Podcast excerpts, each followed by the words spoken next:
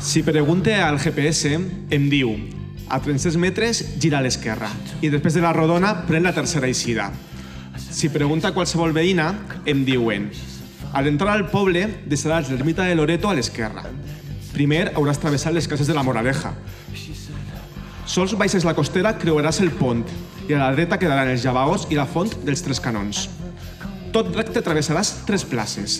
La de Sant Antoni, que se va ampliar forçosament a base de bombes durant la guerra i que ara és el centre de la vida pública, la cueva de la panaderia, les terrasses dels bars... Si fora diumenge, la següent plaça estaria plena de paradetes, que per algo és la plaça del Mercat. I per últim, hi ha la plaça de la Mare de Déu de l'Adjutori, que hauràs de creuar i seguir recte com si anaris a ermita. A l'arribada al Jub hauràs de girar a l'esquerra pel camí que diuen de les Ceres, que ara és a on aparquen els cadafals entre festes i festes d'agost. No deixo de mirar arrere per veure la visió del poble des de les afores, amb el campanar marcant les hores. I finalment, just abans d'arribar al cementeri, estaràs en el teu destí, Mala Herba, o millor dit, Casaminos.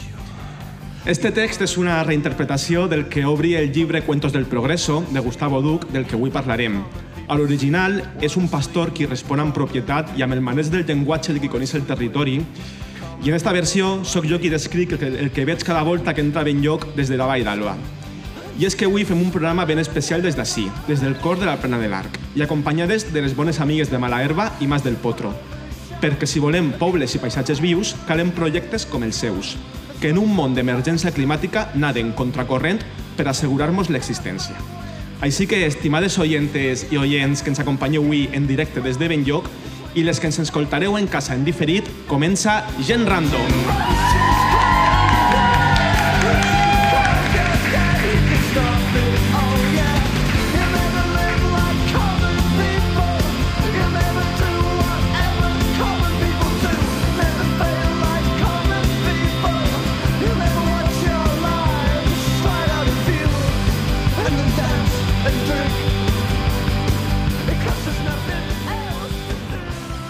Hola! Bon dia a tots i totes. Hola, bon dia. Bon dia. Com esteu? Esteu bé? Molt bé, diuen. Eh, bé, estem així gent random, eh, som en part Puerto, Quim Ruiz i jo mateixa, Lourdes Frasquet. I avui estem acompanyadíssimes eh, de moltíssima gent, però per dos convidades superespecials. Alba Cebrián, del projecte Mala Herba. Hola, bon dia. Quina il·lusió. que a més és l'anfitriona, i tenim així Roger eh, Jover, del col·lectiu Mas del Potro, des de la Mariola. Hola, hola. Eh, per qui no ens conega, primer ens presenta al podcast i després Alba i Roger presentaran els seus projectes, respectivament. Nosaltres som un podcast literari vital, estem ja en la tercera temporada i, i res, eh, avui parlarem d'emergència climàtica i hem titulat el nostre programa Fa calor, per raons evidents. Pues ha sigut un dia esplèndid, tot s'ha de dir. Tot Fa, fa dos dies no dient el mateix. Qui està en mànega curta, per qui ens escolte. Jo porto samarreta tèrmica, cadascú afronta la calor com pot. Eh, però bé, Alba, constants, que és mala herba. Doncs Malherba és un projecte d'agricultura regenerativa. Eh, fem rescat de bancals abandonats i treballem el secà.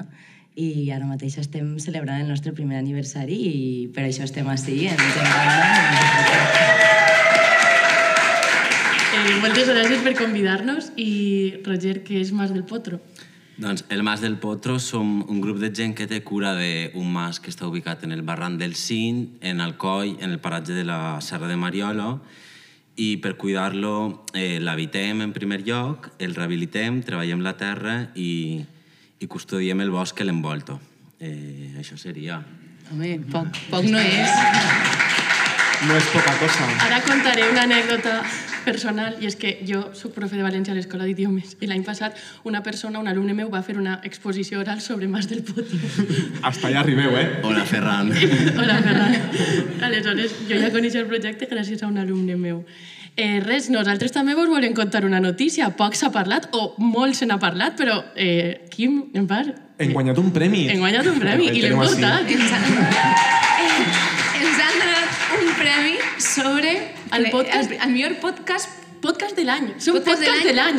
Eh, el millor en contingut en valencià. Som creadors de continguts en València, perquè som un podcast en València. Sí, sí correcte. Encima que- Però, així que si algú Molt més vol... contentes. Si algú vol Gràcies fer a algun- Poblet i la Claveguera per Si algú- organitzar el certamen i, i donar-nos este, premi. Si algú vol fer alguna cosa més en valencià, endavant, no sé.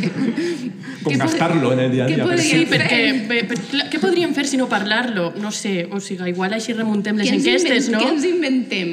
Eh, estem a ben lloc, això també és una cosa que s'ha de remarcar, perquè així hi ha gent que no venia des del FESLLOC del 2015, 14... tre- O menys, eh? Eh, vull dir- 2011, pot ser? Jo fa poc que vaig vindre perquè no em desprenc d'aquestes coses. Vull dir una cosa, i és que fe, el és el millor naming de la història. O Sí, sigui, ai. quan li vaig dir a mon pare i a ma mare que veníem així a fer el podcast, em van dir dos vegades diferents. Ara quan te'n vagis al FESLLOC? En o sigui, ja és una mateixa cosa. El ben- Benlloc i el FESLLOC ja són una mateixa. Sí, sí. És com quan et diuen el, vas- un, un Danone, no? En vez de menjar-te un iogurt, el menges un Danone. Doncs pues ja vens al FESLLOC, encara que siga mm, novembre, desembre, no sé ja en quin mes No totes les, no, no totes les Metonímia, publicitats, això, no? no totes les publicitats. molt bé, molt bé. T'has estudiat el requadre de, del tema 4 Però de València. No totes les publicitats de la Generalitat han funcionat tan... Bueno, en aquest cas lo que Escola Valenciana. Perquè sempre teu això ha quedat una mica... Desfasat. Desfasat. Inútil. Sempre teu. Bueno, eh, este capítol se diu Fa calor i si voleu comencem ja en matèria escoltant la cançó Fa calor, que dona nom al programa perquè és una cançó que vam xalar-la molt en l'últim Trobam, en castelló, del grup Habla de mi en presente. La fi del món. Ai, no. Jo no estic tranquil, s'acosta un canvi. Tot és un fast, tot és de plàstic. La terra plena de verí, el poble i a la city. Tot penja d'un fil, vivint al límit. Pillo un taxi, vaig a la mani. Crits, crits, crits crits. Scroll al meu feed Ves que m'has escrit Em vinc a la pari Em prenc una pepa Em pilla un batri I fa Calor, calor I la gent balla A poc a poc és més a prop cada cop La fi del món Fa calor Eh, fa calor.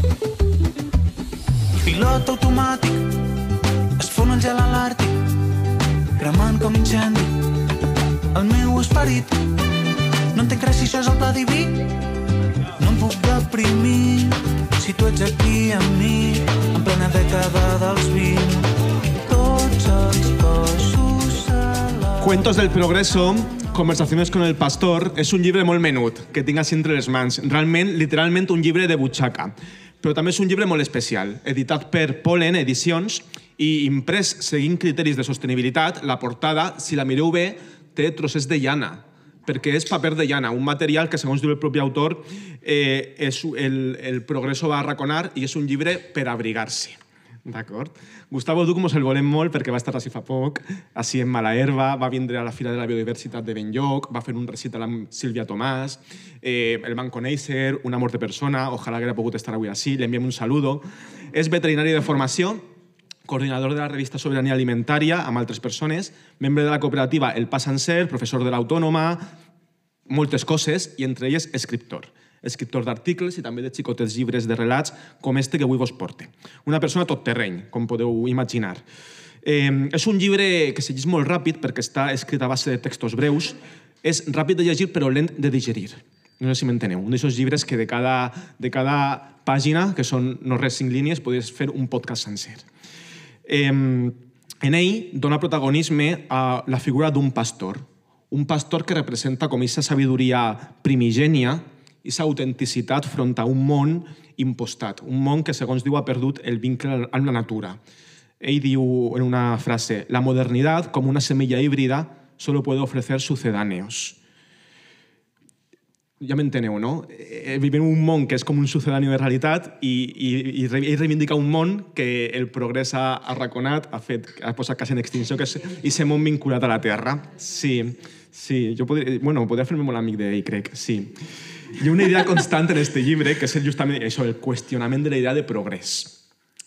Podríem dir que n'hi ha inclús una certa nostàlgia de passat. que és un tema que en Gent Random ens agrada molt. I que ara després podrem parlar, d'acord? Sempre que acabem parlant de lo mateix. Eh, respecte a l'idea de progrés, un podria pensar que, que, bueno, que, ens, que deixem dur, no? que, és, el, que els avanços han arribat per fer-nos la vida més còmoda, que si treballar a la terra no és rendible, pues el que hem de fer és arrencar els arbres i posar, no sé, per exemple, se m'ocorre, no sé, plaques solares, per exemple, és una idea molt loca. Mm, mm, bueno, així s'estila prou, per lo Sí. vist, això s'estila. Sí, les coves diuen que, van, que estan a la moda amb això. Sí. En definitiva, adaptar-se a la demanda. La terra no dona, l'energia sí, doncs pues fàcil, no? Això és el progrés. Viure còmodament, o sea, eh, adaptar-se a la demanda, alquilar a la teva terra plaques solars, treure't uns dinerets, viure còmodament a Castelló, buscar-te una faena que no te pele les mans en hivern, no? Jo crec que seria el millor. Viure còmodament a Castelló, eh? Per exemple, eixa en- en afirmació. eixa afirmació. Hi ha, una, hi ha un fragment que vaig a llegir i a partir de vos faré unes preguntes, Roger i Alba. Hi ha un fragment d'este llibre que diu Sentados en unas balas de paja, mientras comíamos a base de pan, queso y vino, el pastor señaló el infinito arrollado de aerogeneradores y sentenció El último árbol del planeta lo talará un proyecto de energía sostenible. Una frase que molts hem escoltat alguna volta, no? I tot això en un context d'emergència climàtica. Alba, te vull preguntar a tu en concret. Per què, en aquest context, optar per recuperar bancals abandonats i posar-los en producció i no per posar, per, per exemple, plaques solars? Eh, clar, la, la resposta clara és perquè no, però el fet és que si pensem en plaques solars que són, com a molt, tenen una vida útil de 20 anys i parlem d'una societat que du milers d'anys, perquè aquests arbres ja s'havien plantat fa mil anys, doncs els mil, o sigui, els mil anys hem estat prenent oli d'aquestes oliveres i d'aquestes plaques solars que només donaran llum els dies que faci sol, eh, pues seran 20 anys com a molt i haurem desterrar tota aquesta terra en tots aquests residus, no? El fet de recuperar bancals, estem recuperant vides que ja plantades i que, no sé, la nostra preocupació constant és, si no custodiem este territori, està clar que, que, que el volen ocupar en coses que no tenen res a veure en la nostra alimentació ni en la nostra natura humana. I això fa molta por. Tal qual. Roger, tu amb els teus companys de Matos Potro heu habitat un mas que està literalment en un puesto que no s'acaba ni en cotxe. Heu de caminar Exacte. 15 minuts a peu a través del barran del Cim per arribar. Sí. Que no estàveu més còmodes en casa? Vull dir, què se vos ha perdut allí? Sí. Quin motiu teniu per què este projecte? Quin motiu teniu per anar ahí a habitar un mas enmig de la muntanya? Pues, per parlar des que es porta allí, caldria remuntar-nos un poc a l'adolescència, que és quan el nostre, un grup d'amics, entre ells pues, Sara i David, que són companys del Mas, eh, tenim aquesta inquietud per viure juntes, no? qui no vol viure amb les seves amigues i desenvolupar els seus projectes, i, i no haver de fugir a les ciutats pues, per trobar espais segurs, més diversos i que no foren hostils, és a dir, que en els pobles també podem viure eh, com ens doni la gana. I, bueno, pues, arriba un moment en què les nostres trajectòries personals estan un poc eh, en incertesa, en moments de canvi, i ens arriba un missatge de que el Mas del Potro es ven. I diem, bueno, pues tirem avant, el comprem, i, i d'això ja fa un any i quatre mesos. I, bueno, la comoditat a casa la tenim també allà al Mas del Potro gràcies a la feina que han fet durant 20 anys eh, joves d'Alcoi que l'han rehabilitat, l'han dotat de comoditats i, i aquesta trajectòria que té de 20 anys de ser un espai col·lectiu, eh, habitat i, i, i, bueno, i, i on es pot desenvolupar una vida eh, sense, sense cap tipus de, de, de problema. Comoditats en tenim, no trobem a faltar eh, la ciutat per res.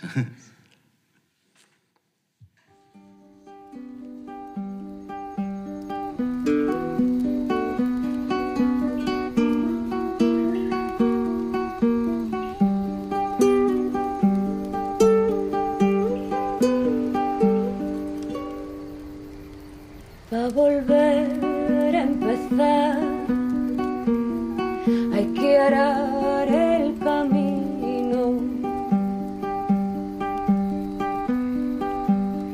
Yo te ayudo a sembrar. Tú me das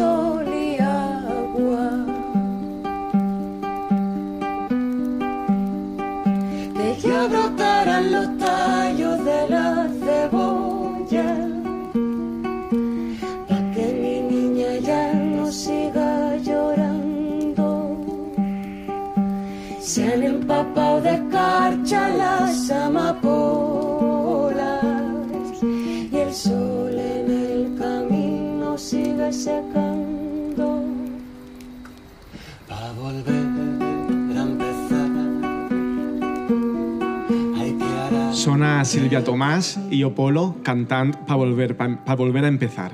Sílvia Tomàs, com hem dit, va estar així també en el poble amb Gustavo Duc fa uns mesos i també mos la, mos la volem molt. I gràcies, Alba i Roger, per dir-nos coses tan boniques. Per a qui no ho sàpiga, esta festa és per l'autogestió del projecte de Mala Herba. Si ens posem més concrets, és per comprar una motosserra. Sí.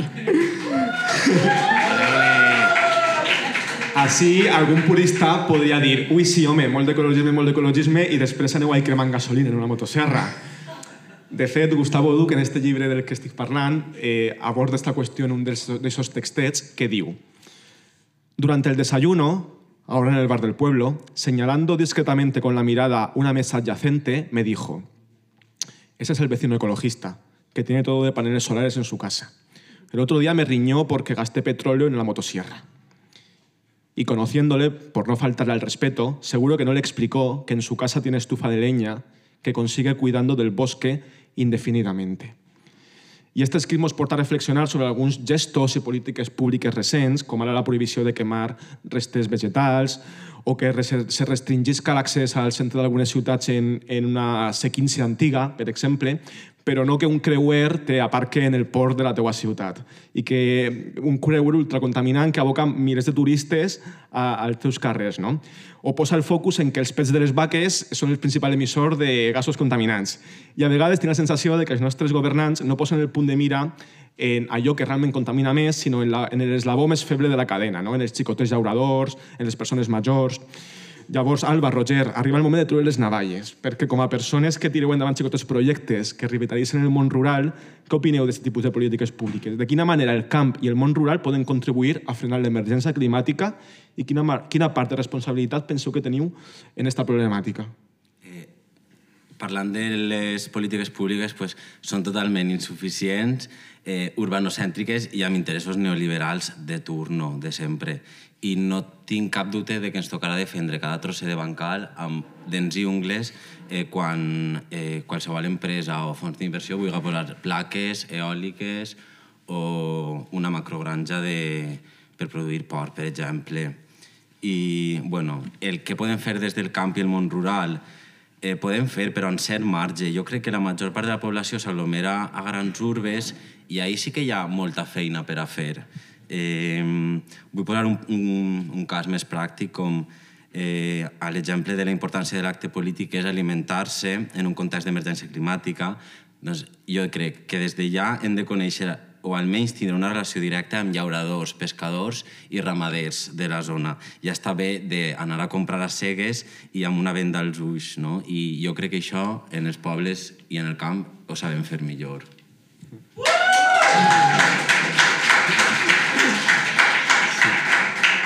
Clar, en les ciutats sí que existeixen grups de consum o sí que pots comprar eh, bé, bosses de verdures ecològiques, però al final és una opció molt reduïda, no? molt marginal, però Però a Però vegades es pot. jo menjava Ho més ecològic, entre cometes, en Benimaclet que així en Vilafamés.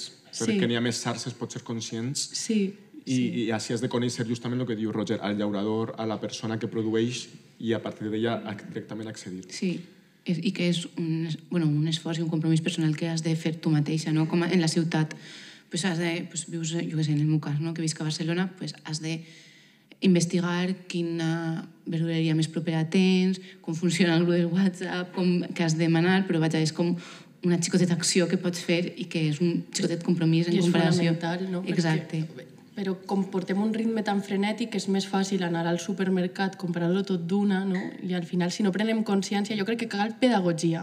Perquè si no li expliquem a la gent per què és important fer això, és com que són quatre hippies, que claro, és que vives en Benimaclet, pues lo que te toca és comprar la verdura del terra perquè no sé què. No, és que hi ha una raó, no? Aleshores, igual cal fer una miqueta més de pedagogia i això ens interpel·la a les persones que sí que fem aquestes accions. Sí, i que mengem cinc vegades al dia. Eh, és un és possiblement el consum més gran que fem en la nostra vida, eh, situar-lo com, com el, la importància que té i, i l'acte revolucionari que pot ser eh, nutrir-se. Vaja. Potser un dels principals motius que, de que avui ens trobem així parlant d'emergència climàtica és el ritme de consum de països, dels països occidentals, no? un consum desbocat, eh, sense mirar a qui compres, la quantitat que compres. No repetiré estadístiques sobre, de sobresabudes com ara les típiques que diuen de quants planetes necessitem per a que Estats Units arribi al, al seu consum eh, és un consum que, si ens ho mirem bé, en bona mesura és innecessari. Comprem coses que no ens fan falta. Quantes coses de les que heu comprat en l'últim Black Friday realment les necessitàveu? Molts d'aquests productes, damunt, que és el que més malic se me fa, és que diuen que són sostenibles. No? Estem farts de, de ser greenwashing, de ser capitalisme verd, que ens ven productes sostenibles quantes grans empreses s'adjudiquen ara mateix aquest adjectiu, escolteu este àudio sense anar més lluny, El consumidor cada vez busca, es más exigente desde el punto de vista ambiental. De hecho, ya no se conforma con que el producto sea de calidad, sino que esté elaborado siguiendo unas buenas prácticas y con un respeto al medio ambiente. De hecho, en McDonald's trabajamos para garantizar esa sostenibilidad en los procesos productivos. Què vos pareix? Què vos pareix això? McDonald's, és que quina poca vergonya. És com que clava, i de hecho en McDonald's, o sigui, saps com... Eh, eh, Gustavo Duc no deixa d'abordar este tema tampoc en el llibre y en un mini text diu Como la palabra sostenibilidad se ha convertido en sinónimo de mantener privilegios, yo prefiero hablar más claro. Hay que volver a la sobriedad, que fue la forma de vida propia del mundo rural. La sobriedad. Llavors, Alba Rogeu, què penseu d'això? Compartiu que el terme sostenibilitat s'està pervertint? Penseu que la proposta de vides sòbries és l'única acceptable per seguir tenint un planeta habitable?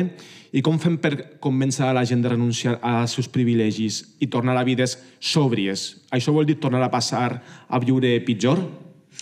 M'encanta aquesta pregunta, vaig a agafar el torn perquè la qüestió de la paraula sostenibilitat en tal, ahir mateixa ho estàvem parlant per la nit en les compres del Mas del Potro, com a tal sostenible, si sentiu bé la paraula, és preciosa, o sigui, sostenible en si no és un problema, el problema evidentment és l'ús que s'està donant, que sí, estic totalment d'acord, que s'ha pervertit com tantes altres paraules.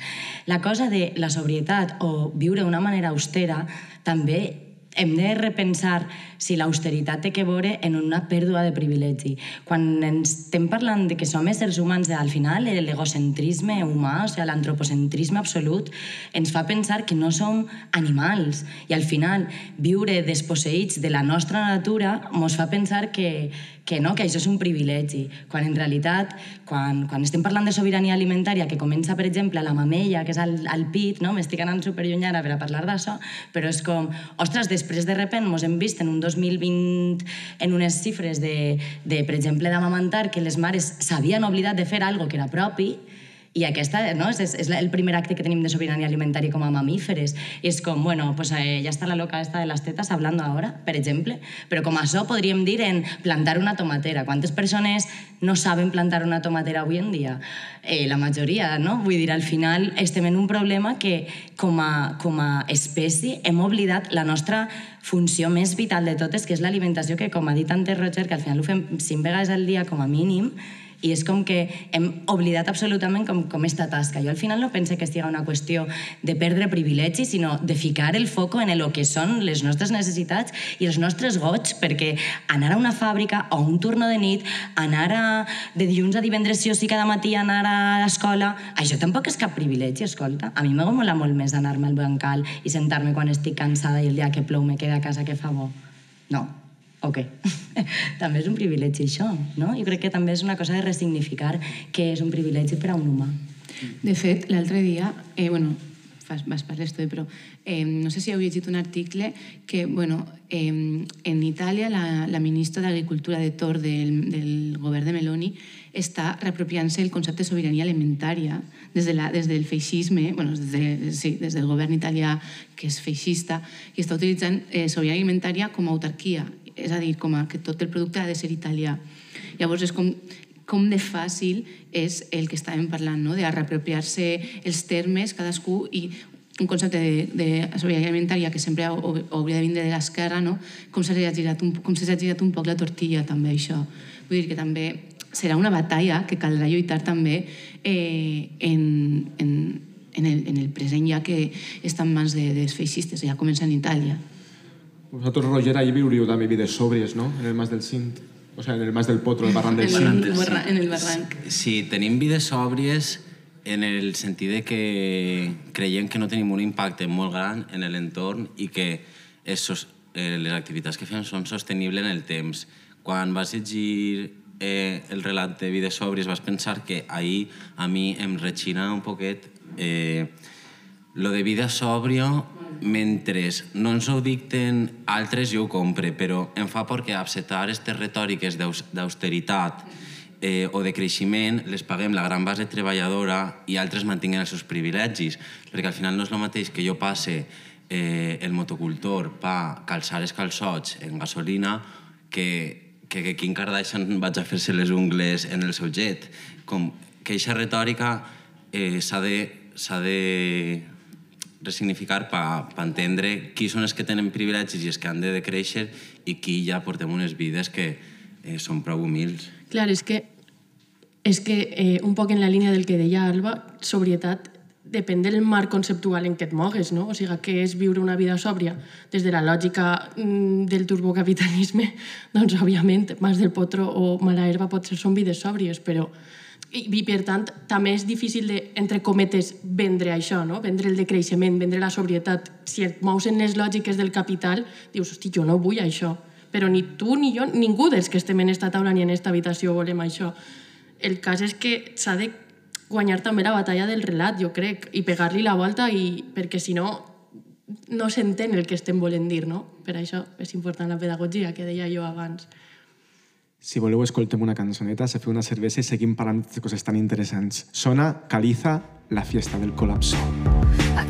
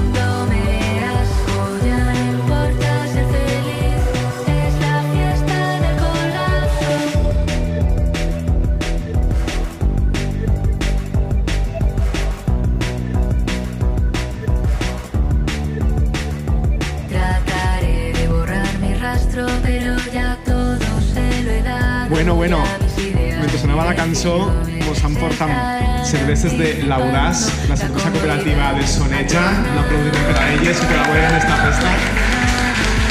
Gràcies, xics. És veritat que estem parlant de sostenibilitat, però no és una mau. Això molt millor. Visca l'Audàs. eh, relacionat un poc amb este tema que estàvem parlant, hi ha un punt en què les opinions del pastor en este llibre, o de Gustavo, no sé qui és qui parla, em generen un punt de dubte i de, i de reflexió. I potser també a les persones que ens escolten. Escolteu este fragment, a veure què en penseu. Diu, Pastor, ¿te de ser un nostálgico del pasado? Cierto, añoro el pasado, porque me avergüenzo de este presente decadente que nadie extrañará. Y me detalla un poco mejor. ¿Quién llorará por la pérdida de la belleza que supone una macrogranja clausurada? ¿Quién defenderá hasta su propia muerte la tala de un monocultivo de palma africana? ¿Quién escribirá versos al derrocamiento de los edificios de 15 plantas y 4 pisos por planta donde creció? Les que ens seguiu ja sabeu que el tema de la nostàlgia del passat és un tema recurrent que, que del que ens encanta parlar. I ens preocupen ser discursos actuals que veuen en el passat la solució a totes mals del present, no? perquè trobem que amaguen una part bastant reaccionària. Tanmateix, coincidim en el diagnòstic de que el present és bastant millorable. No? En l'últim programa justament parlaven d'això i abogaven per la necessitat d'imaginar nous mons possibles sense mirar sempre al passat. No sé, Roger, Alba, si vosaltres, com el pastor, podríeu dir que sentiu nostàlgia del passat. Eh, des de mala herba ho sentim com admiració al passat, perquè van fer el que van poder en les coses que tenien i, i hi ha molta admiració. Ara, nostàlgia no cap ni una, eh? O sigui, ja us dic jo, que estia ben lloc, tal i com jo sóc, crec que no haguera tingut molta cabuda en un passat. Vull dir, eh, este poliamor que nos defiende absolutamente, no hubiera sido posible, me hubieran quemado la hoguera, ¿no? O siga, per exemple, són coses de, del passat que no, que no, no aplaudo i m'agrada el, el temps que vivim per això. Sí, jo agraeix també poder gaudir de tots els avanços socials i, per exemple, pues, no tindré que amagar, no tindré que estar patint per si t'apedregen per, per Mariga, pel poble, no? Això és... Està bé, està, Gràcies. està guai, està guai. Eh, Roger, això ho vam parlar ahir sí. al papara, eh? De quan, a veure, jo ara jo dono que entre al bar i en tot homes. Exacte. Però sí que una nostàlgia del saber fer, pues, de, pues, per exemple, per quins sants s'havia de podar tal arbre o s'havia de plantar açò, o com havies de processar un corder una volta mort. Eh, jo crec que aquests coneixements sí que fa pena i un poc de nostàlgia de que pogueren perdre's. Aquestes vides més autosuficients, no? I se saber, ese vincle a la natura, i se saber fer coses que hem oblidat. Ara igual sabem escriure un text, fer un programa de ràdio, però no sabem trossejar un pollastre després de matar-lo a un corder, no? Mm. Bueno, per acabar, hem volgut preguntar-li a Gustavo Duc per algun tipus de conclusió a, a esta conversa. Malauradament, Gustavo no ha pogut estar així avui, però li enviem una forta abraçada. Sí que hem volgut fer-li a distància una pregunta i a continuació llegirem el que ens diu.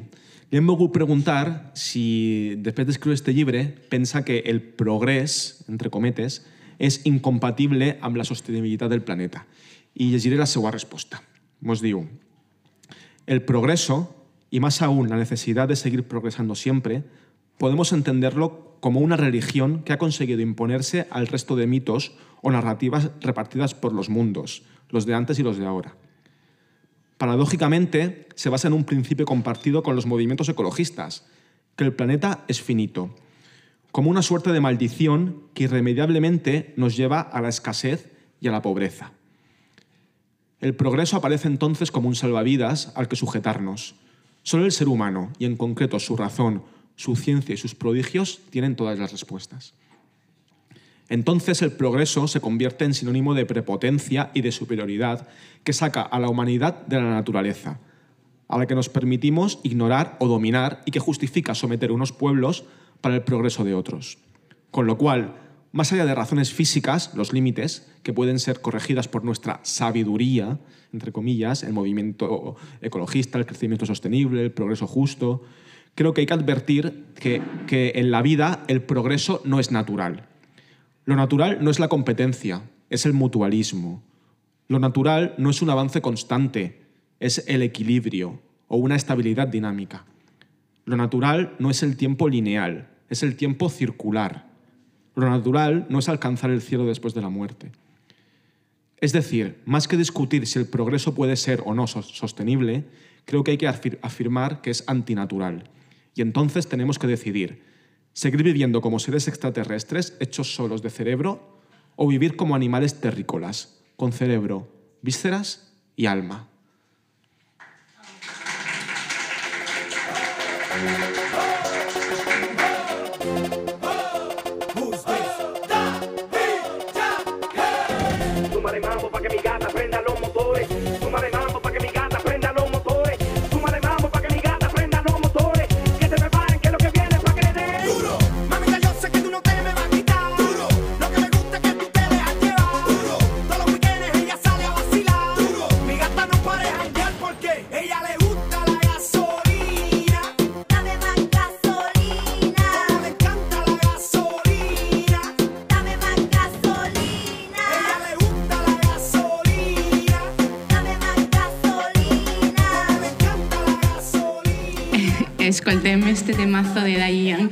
Gasolina, una introducció al reggaeton per a molts presents així en la sala i eh, l'escoltem no, com una mostra més d'aquest futurisme fòssil i com de present està en la cultura popular i que en època d'emergència climàtica moltes persones han posat, han posat el crit al cel, sobretot després de veure la imatge que es desprenia del disc Motomami de Rosalia i d'altres moltes pel·lícules, com per exemple la del...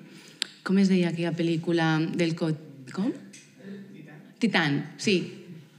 Poc heu ballat, eh? Gasolina, mare de Déu, però si això... Bueno, llavors era un Algun poc com, entusiasta en la sala. com en la cultura popular encara continua existe, existint no, aquest imaginari en el que vaja, que tot el futur vindrà per, la, per, la, per, per allò fòssil, no? Per la gasolina. Per la Coches, gasolina. gasolinas, Duro. futurista, Sí, futurista. duro, rápido, veloz. Llavors, bé, sòries a banda, que diríeu així en lloc, eh, com, ja pogut, com, com ja haureu pogut comprovar, l'emergència climàtica ha quedat en l'imaginari i arran d'això s'ha creat una mena de gènere literari que es coneix com CLIFI, de l'anglès, de Climatic Fiction, o directament ficció climàtica. A grans trets podem dir que la ficció climàtica no és només un espai per a la bona literatura, sinó que és una eina de combat en un moment de crisi d'imaginació política i més específicament de política climàtica, no? on el concepte canvi climàtic està sobrecarregat de significats. Si tot és canvi climàtic, res és canvi climàtic. O, per exemple, el que ha passat aquest estiu, no? que han viscut una ona infinita de calor i és com que ai, estem vivint una ona de calor, sí, el canvi climàtic, però mai s'acaba de problem- problematitzar. Ha vingut el fred ja estem en Nadal i ja estan els arbres posats de Nadal i ja ens han ficat l'abric i la bufanda i ja està, i espera la pròxima ona Y climàtica. mucha gente que decía, ay, qué bien que se está, no sé qué, Qué qué, qué, buen clima. Exacto. Hace se- bon día, se- hace bon día. Se acaba el buen tiempo Claro, y estamos y- en noviembre encara I en en, màniga ge- curta. en gener ja vindrà bon temps i ja farà fent temps de falles. Llavors, bueno, llavors, eh, avui el llibre que ens ajudarà a entendre una miqueta més els camins que prenen aquestes narratopies del futur és Estío, 11 relatos de ficció climàtica, editat per Episcaya, que és la mateixa editorial que ja vam parlar la, la, el, el programa anterior, no? Utopia en no Utopia no és isla. la isla, de Laila Martínez. La veritat és que este capítol és com la part 2 és- del capítol és que anterior. ara parlarem, però és que estem creant una trilogia, sí. perquè el que ve després també... També està vinculat la- d'alguna manera. La Ah, sí? promesa també està vinculada Ah, pues- d'alguna manera, pues, sí, sí. que ves, en- que ve que m'ho conteu ara, sí, en directe. Sí. O sea, no, no era una cosa tan... Ah, estava pensant. No estava Era pensant, però premeditat. així és que estem obrint cicles, perquè després el que fem en gener, en febrer, també en març tindrà la seva continuació. O sigui, ja no, ahir ja trenquem. Bueno, bé, de fet, eh, bueno, no ens n'anem del tema. Eh, en el llibre trobem relats d'escriptores supertops, eh, com Aixa de la Cruz, Cristina Morales o la mateixa Laila Martínez, i amb epíleg, amb epíleg de Yayo Herrero, titulat Reinventar, reivin, reivindic, reinventar, Reinventar. Uy, el vermut, reinventar lo colectivo ante el cambio climático. Este llibre de relats, que es, ens va recomanar la sempre encertadíssima i llestíssima Aina Vidal, eh, dialoga molt bé amb el primer número de la revista Corriente Càlida, que és aquesta revista, eh, que i el primer número es diu Acumulad toda esperanza i que es va presentar fa pocs dies a Barcelona i a Madrid. Una cosa que es va dir en la presentació de Barcelona respecte al títol era que aquesta corriente càlida eh, que és un, és un concepte encunyat per un marxista, Ernst Bloch, Bloch. És que cada, cop que, cada vegada que parlem de marxisme així al nostre programa... Ens posem nervioses. Sí, ens, posem, ens clavem en camisa d'onze bares, però... No volem Eh, faltar-li a Carl. Carlos. Carl, Bueno, no. bueno el, el, concepte, el concepte de corriente càlida diu més o menys que dins del marxisme, a banda d'una corrent freda que es centrava més en les condicions materials, hi havia una corrent càlida on es troben l'esperança, els, els desitjos, els plaers. Llavors em va, semblar, em va semblar bonic perquè nosaltres com a podcast literari no tenim massa marge per transformar res, però sí que entraríem dins d'aquesta corrent càlida. I sobretot també avui tenim un poc com un contrapès que ens la fa la gent de Malaero i de Mas del Potro perquè ells sí que estan en el bancal. Llavors vaig pensar que era com important com subratllar això. Ja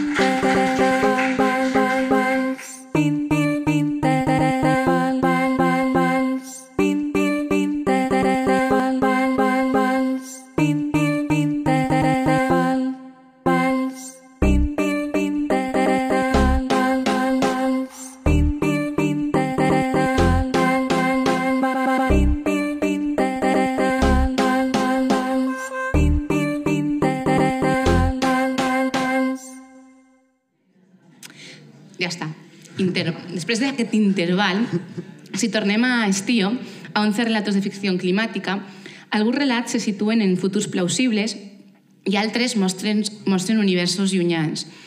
No són optimistes, però tampoc es queden esperant el cataclisme.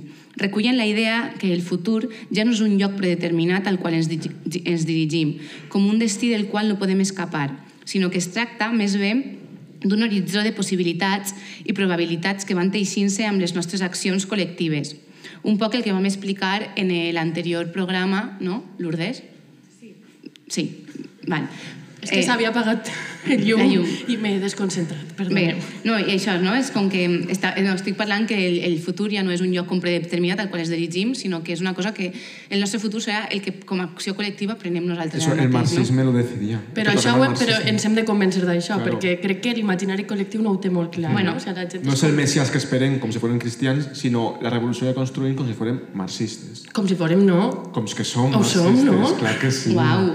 Val, llavors, eh, de fet, Ja no som un podcast en valencià, ara som un podcast marxista. Hay dudas en la sala, ¿eh? también lo digo. Será la, ver- la vertiente coprotkiana. Bueno, la sí, corriente- mentre siga la corriente mentre- la corriente càlida. Mentre no siguem socialdemòcrates, a mi tot em va bé.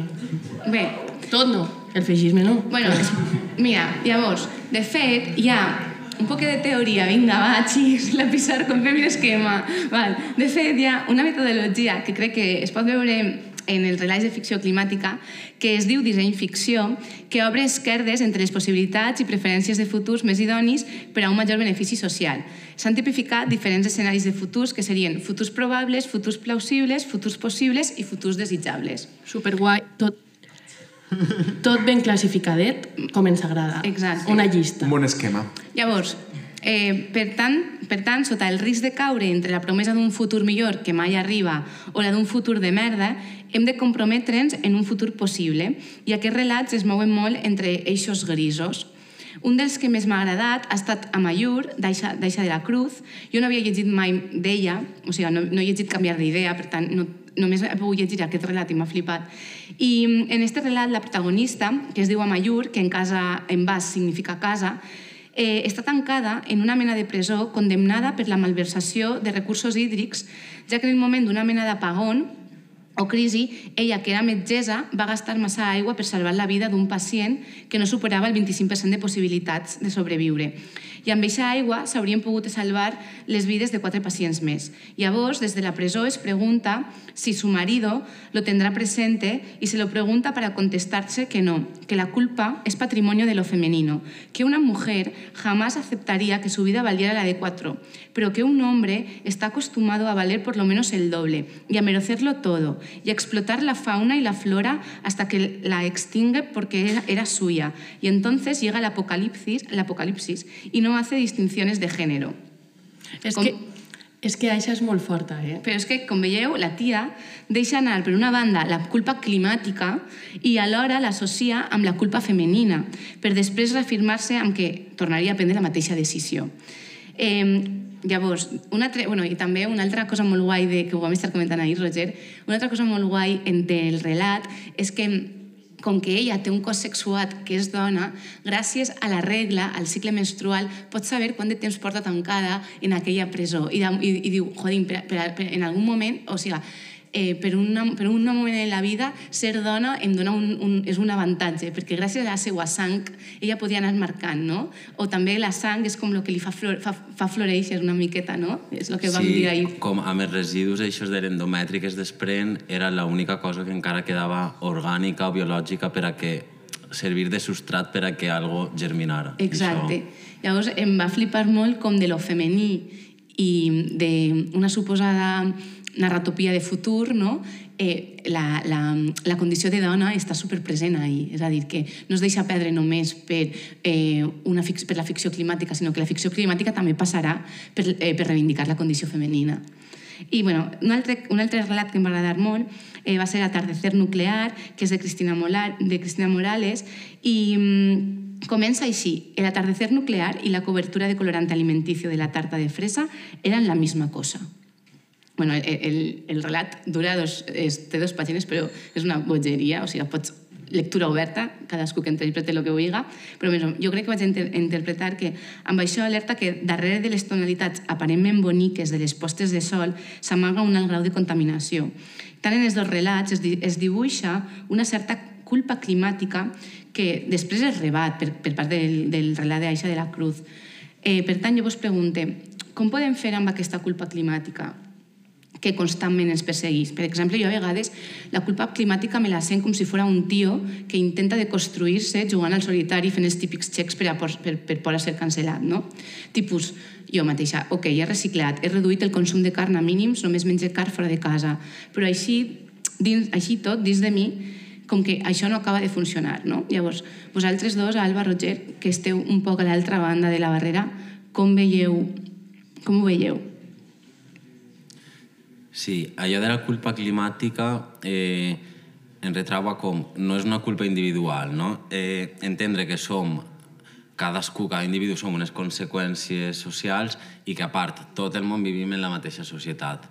Aleshores, portar això al camp de, de la culpa individual o és perillós perquè no, no hem de caure en l'individualisme. Jo crec que aquesta culpa hauria transformar-se més bé en una voluntat de, de canvi, en una ràbia, no? I, i una presa de responsabilitat col·lectiva de, de cap a on volem anar i, i ja està, però no, no fustigar-se amb eixa no, moral crist, judeocristiana del llàtic a l'esquena. No? Eh, Yayo Herrero, Yayo, Herrero que, que de fet m'agrada molt com acaba el llibre perquè fa un escrit ahí com trrr, per a fer una, un redoble, eh, sempre diu que si al final només estem parlant de la culpa i del sentiment col·lapsista, eh, no ens queda espai per a la creativitat. I, I aquesta cosa l'hem de tindre molt present en els temps que vivim, perquè si no estem conscients tota l'estona de la creativitat possible en l'ésser humà, a part del, del pensament col·le- col·lectiu, eh, ens, que ens, enfo- o sigui, vull dir, ens bloquegem, no? O sigui, el col·lapse genera una sensació absoluta de paràlisi i al final la creativitat ha de sortir d'algun discurs un poc més estimat. Jo sempre pense que ha d'haver eh, un sentiment de ficar en el que fas el cent, al centre la vida. És com, si fiques al centre la vida, el menjar, el cuidar, l'estimar, eh, és difícil que te'n vagis d'aquestes línies, crec, per, per solventar la pregunta de la culpa. No sé. Sí, sí, totalment.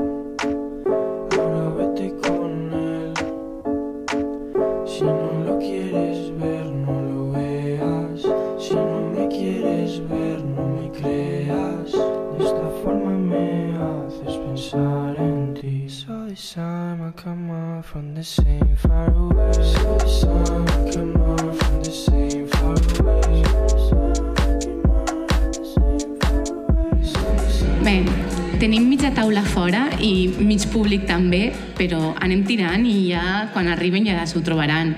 Bé, ja acabem. Eh, per últim, vull destacar eh, l'últim un relat que es diu Resort, eh, és de l'Aila Martínez i que conta com un grup de persones estan de vacances obligades per l'empresa en una, en una mena d'un simulacre de resort en forma de càpsula. Una platja fictícia, amb llum fictícia, sempre postcrisi o postapagón. Vull, aquestes, aquests relats tots parteixen no, d'aquesta estructura de narratopia de futur en el que ha passat una crisi, un, no, no, sé, no se sap massa bé què, ha passat com un esclafit i a partir d'ahir s'ha de repensar. No? També, no sé si heu vist la sèrie de mm, de, mm, de, que està en Movistar, de Sorogoyen. L'heu vista? No, Vale. de parlar molt bé i estimem Pues- a Sorogoyen, però pues, eh, clar, perquè està bé, as vestes també, Claro. però eh, bueno, tots parteixen d'un- d'una crisi, d'una suposada crisi, i a partir d'ahir s'han de crear ima nous imaginaris com per a com solucionar la crisi. No? Llavors, en aquest cas, es tracta, es tracta d'un un, uns companys que estan en la seva empresa, els ha, els ha obligat a anar de vacances, o sigui que això també és molt fort, i mm, estan en una càpsula, una càpsula que se suposa que és com un, això, un, un resort de pulsereta. I mm, eh, dona a entendre que dins d'aquesta càpsula, càpsula hi ha uns privilegiats que poden simular una vida com l'anterior a l'apagón i uns pàries que han quedat exclosos i que els amenacen. Després d'un intent d'agressió per part dels pàries, tot es torna a restablir, però la, però la protagonista del relat veu sobre la seva tauleta de nit que algú havia deixat una pedra. Jo eh, com a lectora, vaig llegir que aquesta pedra eh, era com un, símbol, com un símbol que donava la possibilitat a la revolta, a un canvi d'imaginari. Era una mena de prendre partit en el relat, la, possi la possibilitat d'un futur emancipatori. Eso no solamente es plata, es posibilidades de que la gente no viva con miedo, es posibilidades de que la gente pueda vivir en sus territorios tranquilos, en paz. Si la guerra nos ha arrancado las posibilidades de vivir tranquilos. Entonces vivir sabroso por supuesto implica sí, tener unas condiciones de dignidad y eso implica que el Estado sí, llegue con presencia a cumplir con su mandato constitucional donde nunca lo ha hecho, porque somos una filosofía, una apuesta de vida, ¿sí? que dice que yo soy si usted es, que nosotros somos si la naturaleza es. Esa apuesta de vida, esa filosofía heredada de nuestros mayores y mayoras que fueron esclavizados, pero que siempre apostaron a la construcción colectiva, a vernos como sociedad en colectivo, a vernos como familia extensa, es esa apuesta de vida que hoy los nadies y las nadies afrocolombianos, indígenas, raizales, palenqueros, campesinos, juventudes, maestros, maestras, diversidades, hemos hecho un, un gran esfuerzo de articulación en una apuesta común que fue ocupar la Bé, escoltem a l'activista colombiana Francia Márquez amb el seu superlema i superpotent Vivir sabroso.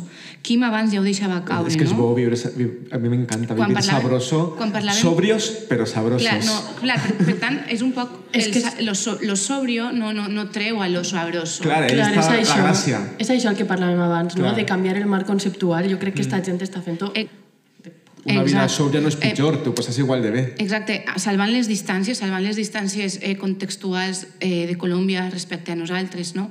però que hi ha altres models i, i per això no? és com que el vivir sabroso, i el vivir sabroso és eixa pedra no? que pot suposar eh, ese canvi d'imaginari, no? el vivir sabroso com un engatussar a la gent.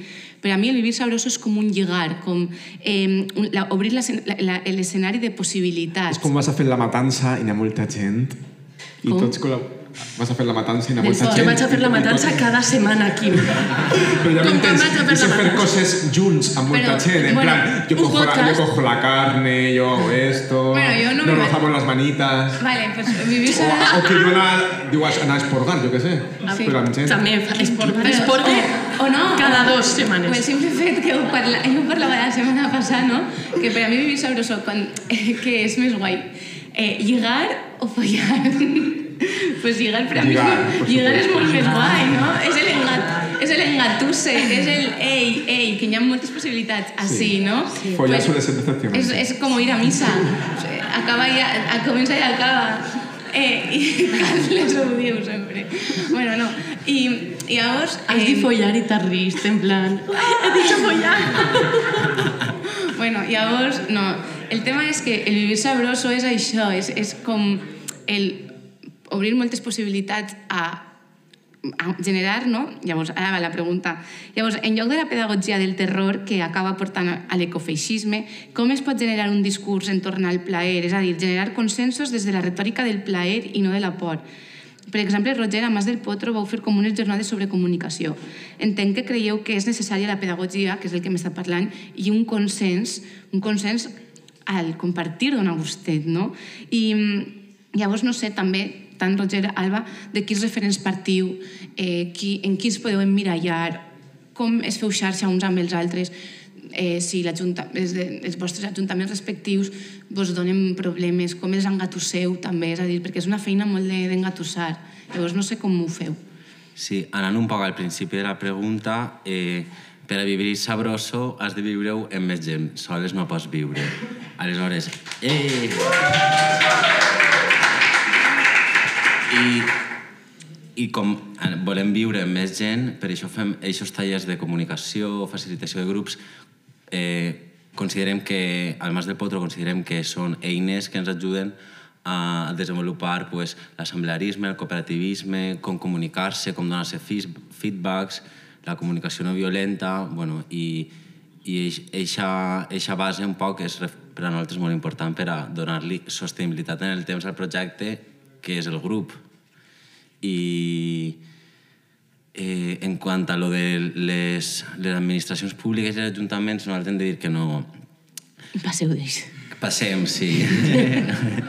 Com deia Quim, pues, de l'escola més Kropotkin, que justament ahir va ser el seu aniversari, per cert.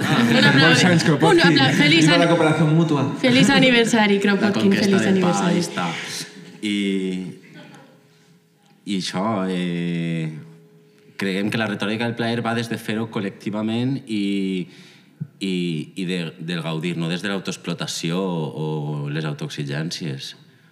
Eh, vivir sabroso és un, un, com un exemple del que està passant ara als països de Llatinoamèrica, que jo crec que és allí on està ara el meollo més, més revolucionari, més socialista i, i bueno, més encara pues ara estos dies no, que al Perú està altra volta la- l'oligarquia apoyada per els Estats Units està com intentant fer un col d'estat al govern, no? pues ahí es veu com, com que allí sí que estan fent canvis verdaderament forts. L'Europa aquesta antiga mm, liberal està, està en crisi, no? Jo crec que... Època pòstuma.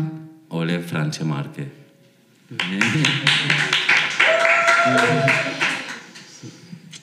Alba, alguna cosa a afegir? Bé, m'he quedat eh, patidifusa, tio. És que sou super teòrics i jo no sé si tot el món que ens escolta és tan teòric com vosaltres, també vos he de dir. Jo me voy a venir a la tierra, que és lo mío. I al final vivir sabroso, pues, un dia com avui, que de veritat, ara, això que ho diu en aquell podcast me va fer molta gràcia, però ara ho vaig a dir jo. Hi ha molta gent, hi ha moltíssima gent a mala herba, moltes gràcies, de veritat, és super guai. És molt guai. Avui serà un dia molt sabroso.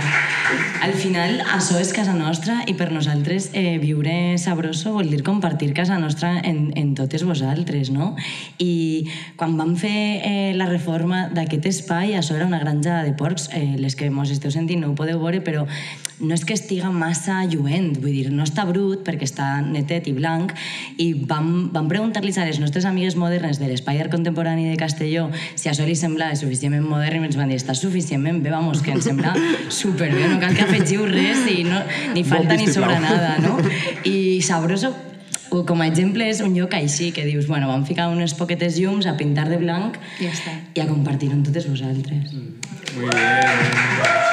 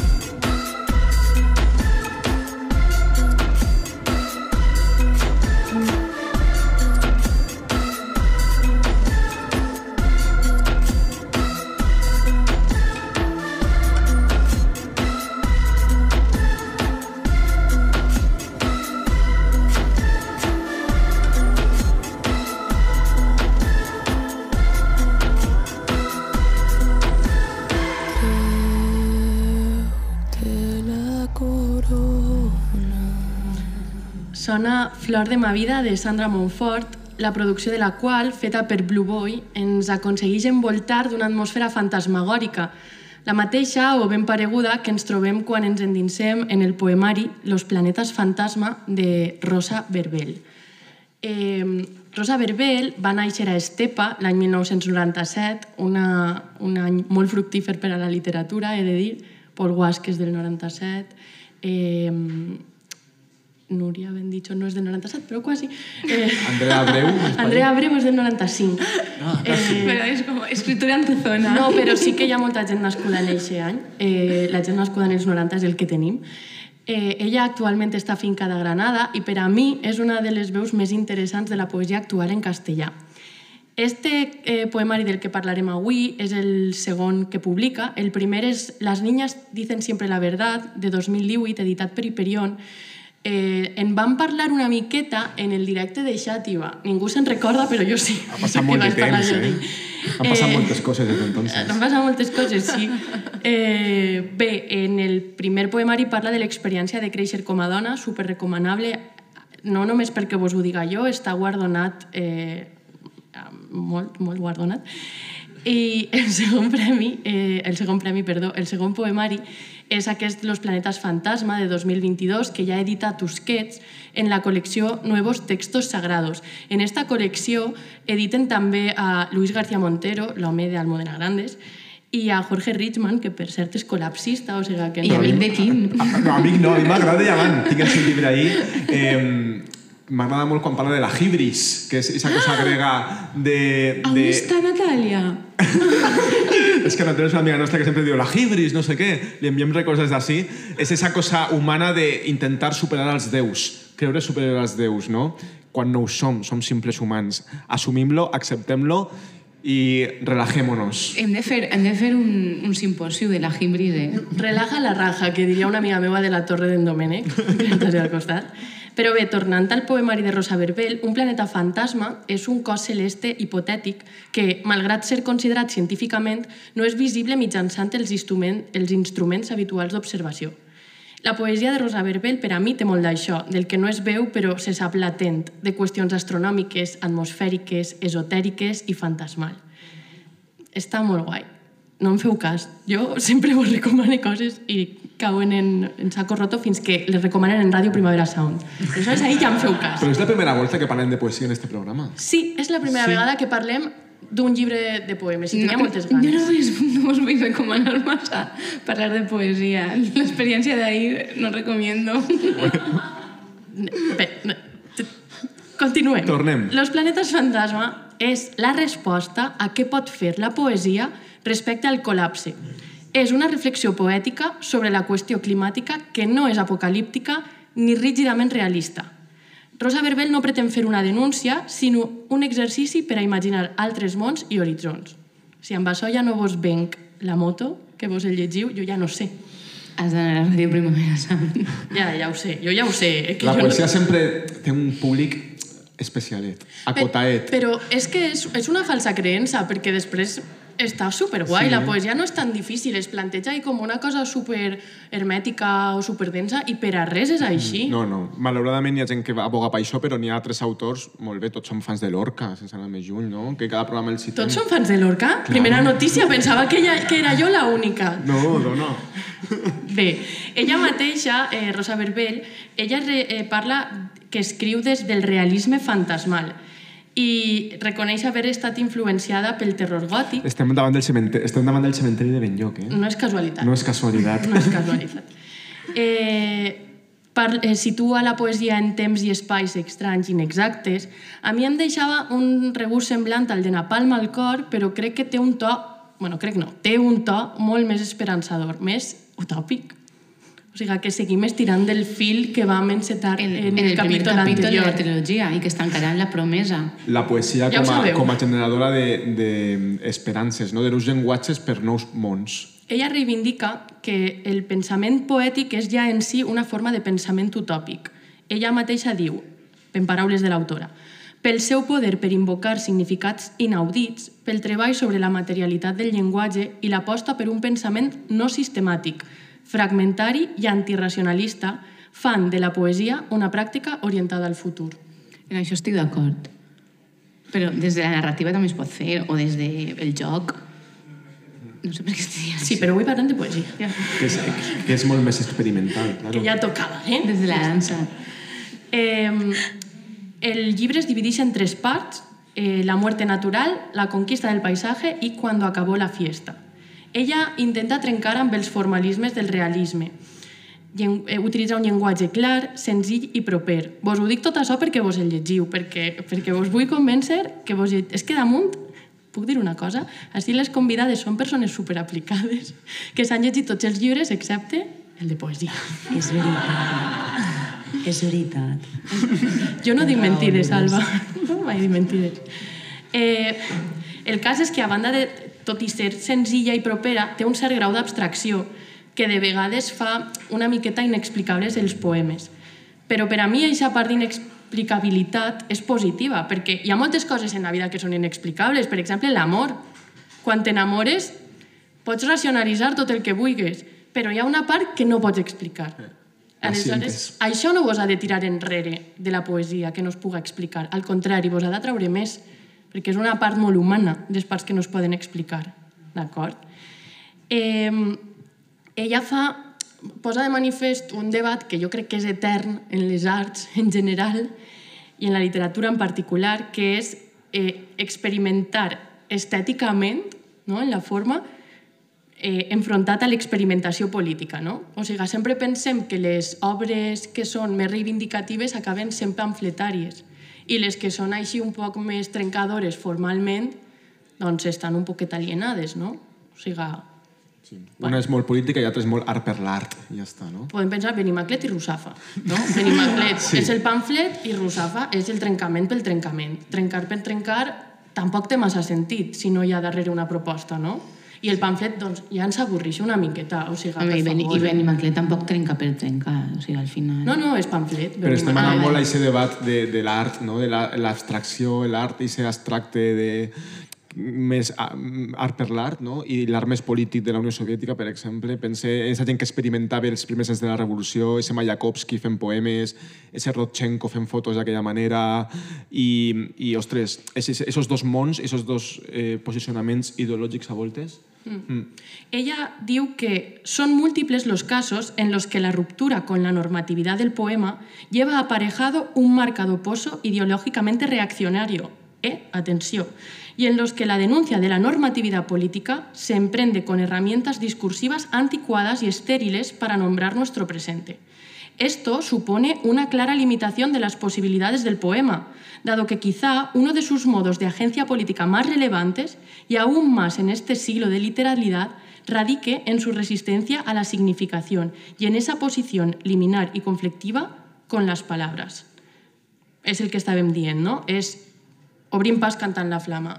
Està estupendo, ens encanta, però estaria més guai el que acabem d'escoltar amb Sandra Montfort i Blue Boy, que sense abandonar un clar compromís polític i ideològic, perquè el tenen, trenquen amb les formes i la proposta estètica és molt més interessant. També cada cosa s'ha d'analitzar en el seu context. Jo no li lleve eh, importància a Obrim Pas, jo era la primera que estava en tots els concerts, eh? la primera que ho reivindicarà. així en este poble. Una cosa vos he de dir també, ara que parlàvem de Ràdio Primavera Sound. Ara hi ha un podcast de Ràdio Primavera Sound que entrevista a Xavi Sarrià. Ah, y vist. vamos a hablar de los 2000, no sé qué, jiji, jaja. Ay, qué moderns que són estos de Barcelona que entrevisten a Xavi Sarrià. Si així portarem a Xavi Sarrià, estaríem un altre podcast en València que està entrevistant a Xavi Sarrià. O sigui que ja està bé, ja està bé. I desmitifiquem una miqueta els catalans. Ja està. Vinga. Lourdes estamos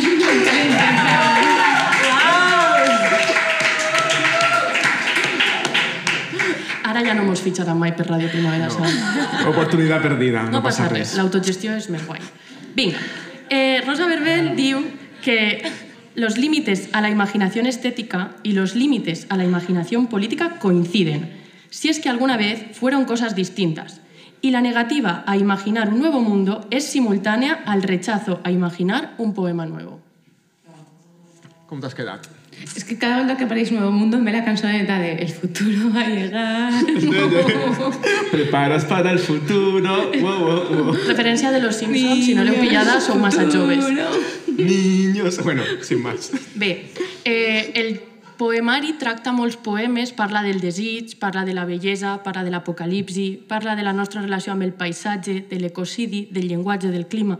Com seran les relacions, els afectes, el desig en un món postapocalíptic? Ahí has Què parla- passa, has de l'e- parlat. Què passa després de l'ecocidi? Hi ha poliamor després de l'ecocidi?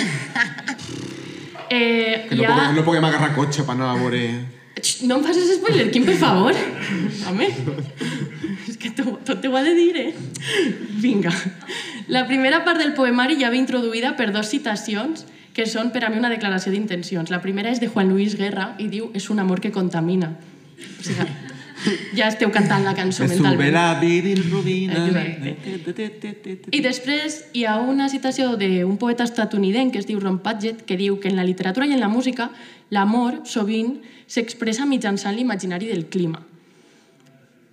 Bueno, a mi em sembla sobretot interessant que parle de Juan Luis Guerra, però Ron Padgett també està guai. Eh, Qüestió de referents. Totalment. Si fos de Minnesota, igual no pensaries el mateix, Ja saps? veus? Per sort soc de Gandia. Val. Eh...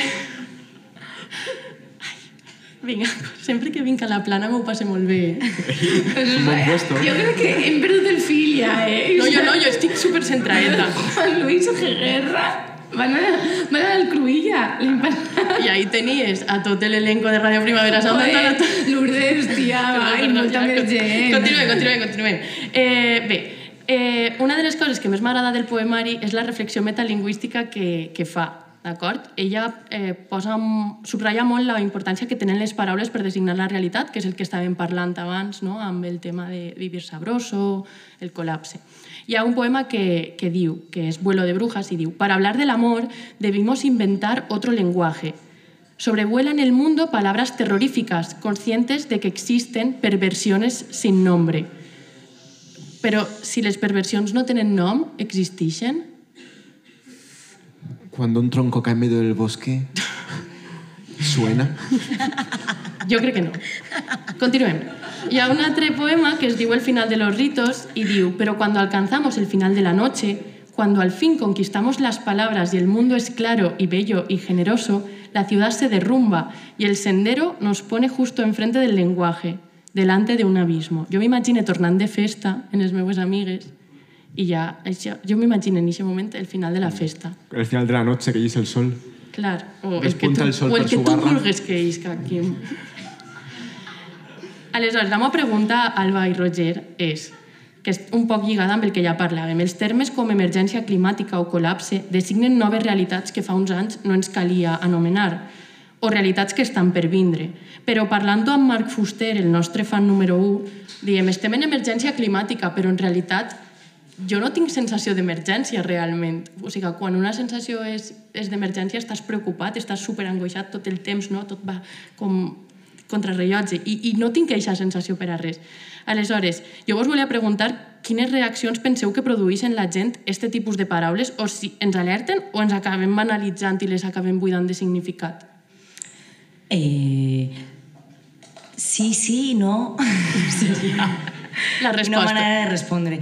Eh, clar que ens buiden, clar que ens paralitzen, que és un poc el que estava esmentant antes en, en part, però al mateix temps crec que no sentís que és l'emergència climàtica té que veure en que no has plantat tomateres en guany. Ni enguany, ni enguany ni cap any, Alba. Perquè, perquè assumisc. clar, és que enguany, les que van plantar tomateres, jo vaig plantar 58 i me van sobreviure 24. Si la meva amiga Andrea de Cabanes no me porta dur plantoner, jo me quedo sense tomates. Això és real. Un, Esto aplaudi és- un aplaudiment per Andrea de Cabanes. Varietats de conejo natural. Sí, firmades per una altra, molt bé, Quim. Clar, al final eh, l'emergència climàtica es nota als pobles i a la gent que vivim de la terra. En aquí sí és. També és el pitjor any de l'oliva de la història. Ja parlarem l'any que ve a aquestes alçades si teniu oli a casa i a quin preu està, a veure si això és emergent o no. Vull dir, jo sí sent l'emergència climàtica, però també dic que, que arribi ja el col·lapse, eh? També t'ho dic, que arribi però, però demà, que arribi ja el col·lapse. Tremendas declaraciones. Jo, jo, pe, jo pense, jo pense que, que sem sensibilitzar molt a la paraula emergència climàtica. Mm. Entonces ja no ens dona aquest xoc de... Ja no és emergència, perquè ja l'he sentit tantes vegades que ja no és una emergència. Però sí, compartir lo d'Alba, de... És que es dediquem al camp hem vist que les temporalitats estan totalment alterades, ja el calendari de sembra eh, s'ha de desfasar, s'ha de moure, eh, bueno, però també obre una possibilitat no, a com volem que siga eh, esta, este full de ruta per a vèncer esta emergència climàtica i combatre-la. No, no han de caure una resignació de "Buah, emergència, morirem, sinó, bueno, des d'ací, quin full de ruta volem seguir, no? Vale, pues, anem a expropiar camps per tots. I a partir d'ahí, pues, bueno, quin, quin full de ruta volem? Que passe per ahí o per on siga? Continuant amb els temes que tracta Rosa Verbel en el seu poemari, eh, parla molt de les relacions sexoafectives i dels sentiments. I de les relacions en general. Després cadascú ho llig com vol. Eh, no podem obviar que l'emergència climàtica i totes les conseqüències que comporta atravessa o atravessarà tots els aspectes de la nostra vida. Sobretot, com ens relacionem, com ens relacionarem, com ens estimem i com ens estimarem. Eh, per exemple, ella llança una pregunta en un poema que es diu Casas Viejas y diu ¿Me querrás todavía cuando me falten dientes, tenga canas y el mundo solo sean casas viejas en medio del desierto? Clar, és que ahí jo pregunte, igual és banal preocupar-se per l'amor o per no? en un moment en què s'està acabant el món i tu estàs pensant però tu m'estimaràs o no m'estimaràs? Clar, però et tornes a la culpa ahí, eh, no? Un poc. Jo, jo me'n record, jo, pen, jo, a mi em, això em transportava al, al moment del confinament estricte, que era un moment superdur, super heavy, col·lectivament era com tot el món estava paralitzat, però nosaltres continuàvem preocupats i preocupades per les nostres coses, no? O sigui, per qui et contestaria el WhatsApp que li havies enviat, eh, per si s'oblidaria de tu la persona que havies conegut un mes i mig abans que et tancaren a casa. Mm, no sé, vull dir que al final, com que la història en majúscules no esborra la història en minúscules, no? Ella continua en un altre programa, eh, programa no, perdó, poema, que es diu Formas de mirar, diu, ¿qué más puedo decirte? ¿Por qué deseamos tanto educar la mirada? Tal vez si tan siquiera fuese posible amar sin pensar todo el tiempo en el paisaje. I això em va portar un poc a un tuit d'Agueda Vitòria que deia poc es parla de com afectarà als festejos intercomarcals la necessària i obligatòria renúncia al cotxe particular. Clar, és que jo me'n recorde que jo vaig tindre una relació a distància durant molt de temps i era una relació a distància que requeria d'agafar avions. I van anunciar la limitació de vols. I jo vaig pensar, però com van a limitar-me els vols? Però... No! O sigui, per a mi el més important era mantindre aquesta relació en aquest moment. A mi el CO2 me la suava.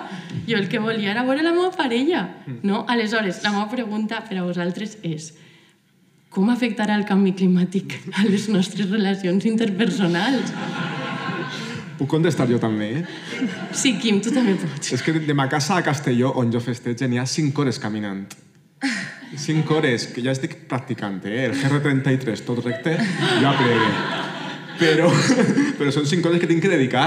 Bueno, ho farem, eh? Per amor ho fem. Però, ostres, Jo conec a una que se'n va anar de Gandia a la font d'en Carròs, no? quan encara no es parlava d'emergència climàtica. Però no Caminant. No n'hi ha tant, eh? Per pa fer-ho cada dia està complicat, però per fer-ho una volta a la setmana... De la font a Rafael Cofer n'hi ha menys. Bueno, Alba, Roger, què penseu vosaltres d'això? S'haurà de, de tornar a lo que volia dir festejar, que ho parlàvem l'altre dia, que era anar el dia de la festa del poble a veure qui, qui caia o el que pescaves. Pues una, una volta a l'any anaves a, a eixe I poble... ho tenies bé. En una, una volta Però, home, una cosa, la sobrietat en el consum, vale? però la sobrietat en festejar... Vosaltres penseu per un moment, en la gent del vostre poble, en qui s'haguereu quedat en el segle XIX? Vull Hòstia, dir- jo m'haguera fet monja. Jo, jo retor. És que... Per això estaven plens els convents. Home, eh, eh, poca broma, però les monges ja sabem per on se n'anaven les monges, eh? Escolteu... Escolteu el Gen Random anterior Exacte, ja veureu. Deixa-les córrer a les monges. Eh, de segur, eh, buah, a mi això em preocupa moltíssim, perquè abans eh, deies que si això importa o no importa, ostres, clar que importa, de fet és el més humà que hi ha, no? Vull dir, si no ens preocupem per l'amor, ojalà, i per una vegada en la vida ens preocuparem per l'amor i ja està. Mm. Ojalà. Uau. Sí, alçar-se alçar pel matí i que la teva única funció d'aquest dia siga estimar, Estimar, estimar. a la persona que... I o a no les anar a treballar que... Però també us he de dir que al cinquè dia ja és un poc empalagós, no? Timbafes, timbafes.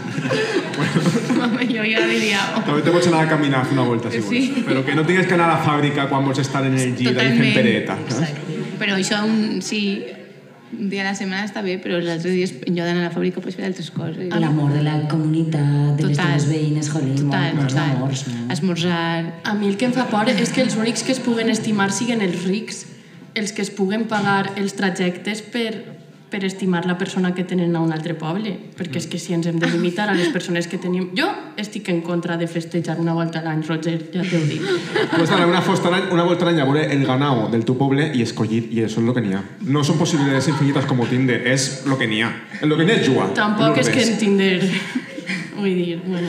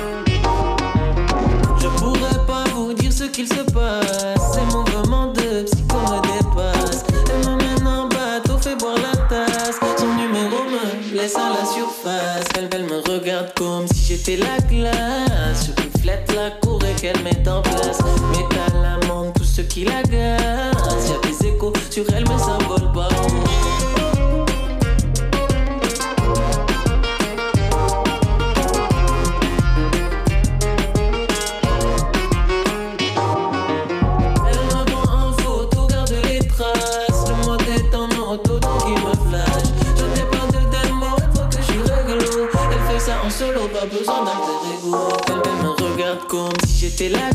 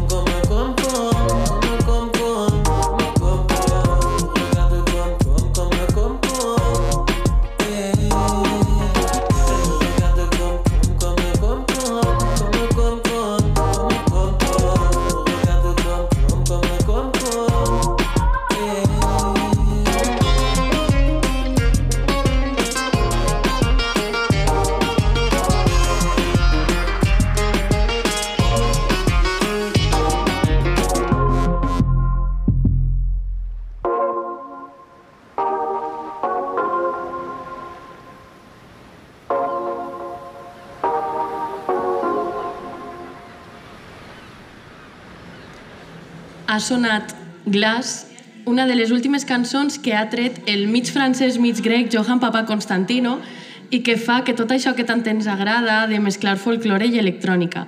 Esta cançó ens convida a ballar i cridar festa, però jo ara no vull parlar de què passa quan estem de festa, això ja ho experimentarem després, sinó de què passa després de la festa. I jo vos pregunte, eh, xics i xiques, què passa després de la festa?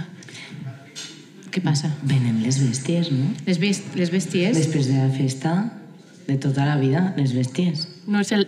No ho teniu això registrat en el vostre... No? Sí. A mi m'han dit que és l'after.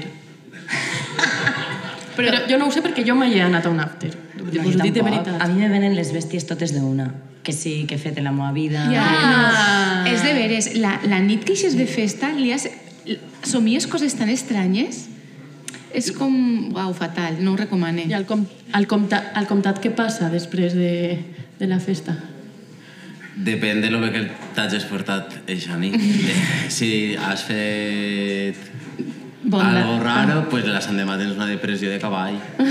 Si no, pues pots seguir fent vida normal perquè encara som joves, encara no tenim tu- unes ressaques. Ah, tu no te resaca? pues mira, fora d'esta taula que- ja. Però lleva, és llevadera encara. Que Roger és del 88. No, Del del 88. 88. Del 98. 98. Perfecte, són quintos quasi. Ah, Lourdes, no el flipes. Bueno, és que clar, si hi ha gent dels 80 hi ha gent dels 90, no passa. I dels 2000. I dels 2000 també n'hi ha. Hi ha gent dels 2000 en Segur. esta habitació. Estic segur que sí. Bueno, està bé, perquè així el target és divers. De... Sí? No? Sí? No. No passa res. Sou tots benvinguts, encara que hàgiu nascut en els 2000. Eh, dic tot això perquè la- l'última part de, del poemari de Rosa Verbel es titula Cuando acabó la fiesta. I ella es pregunta què passa quan acaba la festa. I sempre s'utilitza un poc aquesta metàfora des d'un punt de vista un poc moralista, no? En pla, el que comentàvem, no? La ressaca, les bèsties, la ressaca de zorra, si t'has portat bé o t'has portat malament. En la pandèmia, per exemple, era molt de, de, la festa es va criminalitzar moltíssim. També està la frase de si estàs bo a la festa, estàs bo a la faena, no? Eh, etc. Però Rosa Verbel proposa que quan acaba la festa és quan sorgeixen les idees més interessants, les propostes de fer d'este món un món millor. Y ella diu, quería pensar en las posibilidades políticas de lo que se acaba, no de forma nostálgica, ¿eh? sino como una apertura hacia lo que viene después y de sus posibilidades emancipadoras. Y en el seu poema Bola de Nieve diu, casi todas las cosas ocurrieron cuando acabó la fiesta. Nos tocó recoger y comernos las sobras de los platos, velar por el futuro, cuidar de la burbuja de cristal dentro de la que habíamos construido la historia. La casa se hacía más y más pequeña a medida que iba quedándose vacía, pero nosotros seguimos con el mismo tamaño. ¿Ves cómo palidece la belleza? Como bolas de nieve de juguete, permanecemos juntos en el mundo, debajo de la bóveda del cielo, hasta que algo nos vuelve del revés. Entonces las estrellas se nos caen encima. La meva pregunta és, què en penseu? Penseu que l'emergència climàtica pot ser l'escletxa des d'on nasca un món nou? Que després d'esta festa podem construir un món millor?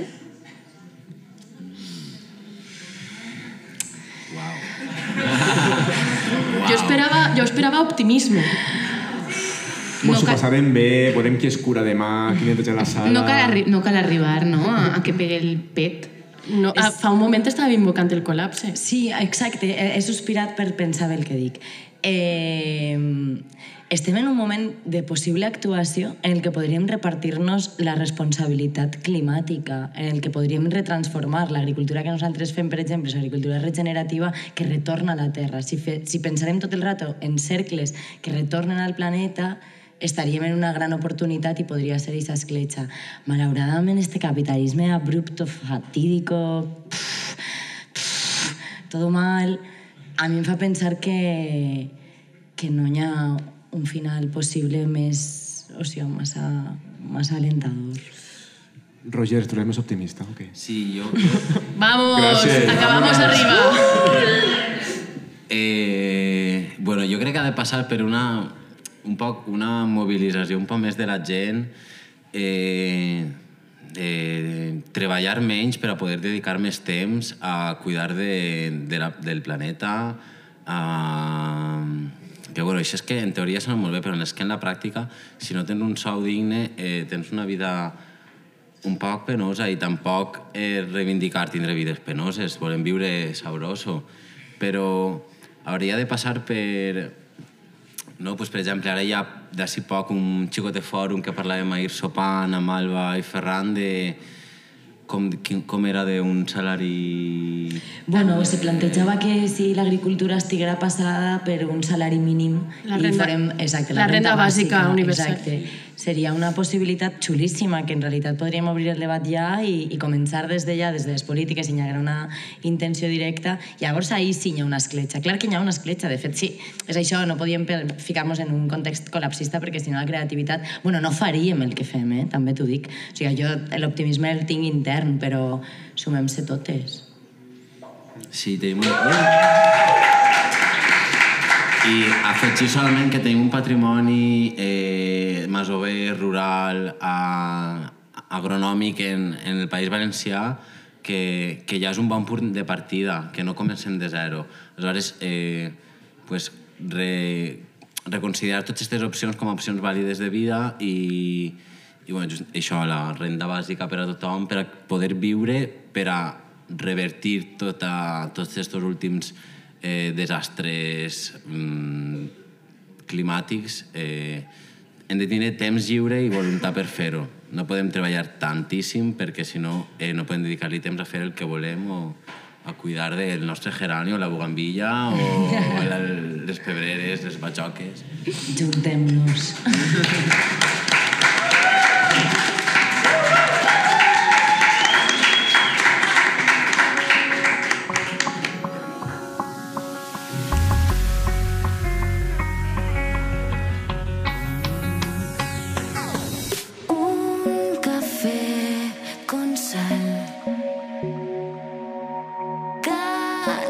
de llorar. Mi mundo empezando a temblar. Presiento que se acerca el final. Y solo quedarán los buenos momentos de ayer que fueron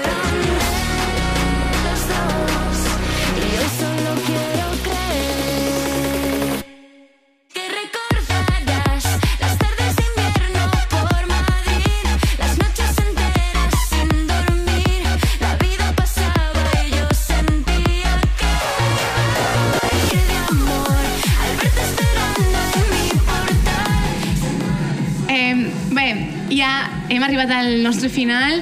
Eh, moltes gràcies a tots els que, us, els que heu vingut fins aquí, a Casa de Ferran i Alba, al projecte Mala Herba. Moltes gràcies, Mala Herba, per convidar-nos. Eh, estem supercontentes d'estar així. Eh, gràcies de tot cor. Després, gràcies Mas del Potro per també eh, agafar el guant i estar així complint. Eh, Roger portava els apunts, és a dir... Eh, mm, Ha estudiat, ha estudiat. No ens mereixem, no ens mereixem millors eh, companys i bueno, moltes gràcies sobretot per tenir-vos i per fer eh, xarxa, que és el més important i que crec que gent random és això i volem ser això i volem continuar sent això.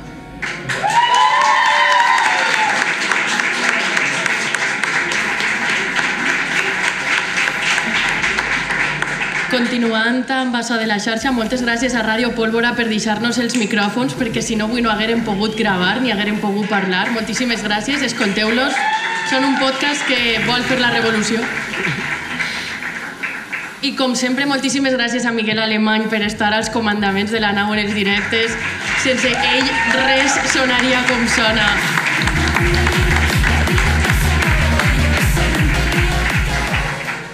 Gràcies també a Gustavo Duc per l'àudio i les idees per este programa, a Neus Chillida per l'assessorament de la logística, a la gent que ha vingut a, a escoltar-nos, així, als que ens escoltareu per la ràdio, als que ens han donat este premi que avui lluïm així davant, i a tots i totes. I bueno, ens escoltem, ens seguim escoltant en les zones i en els directes. Ale, a menjar!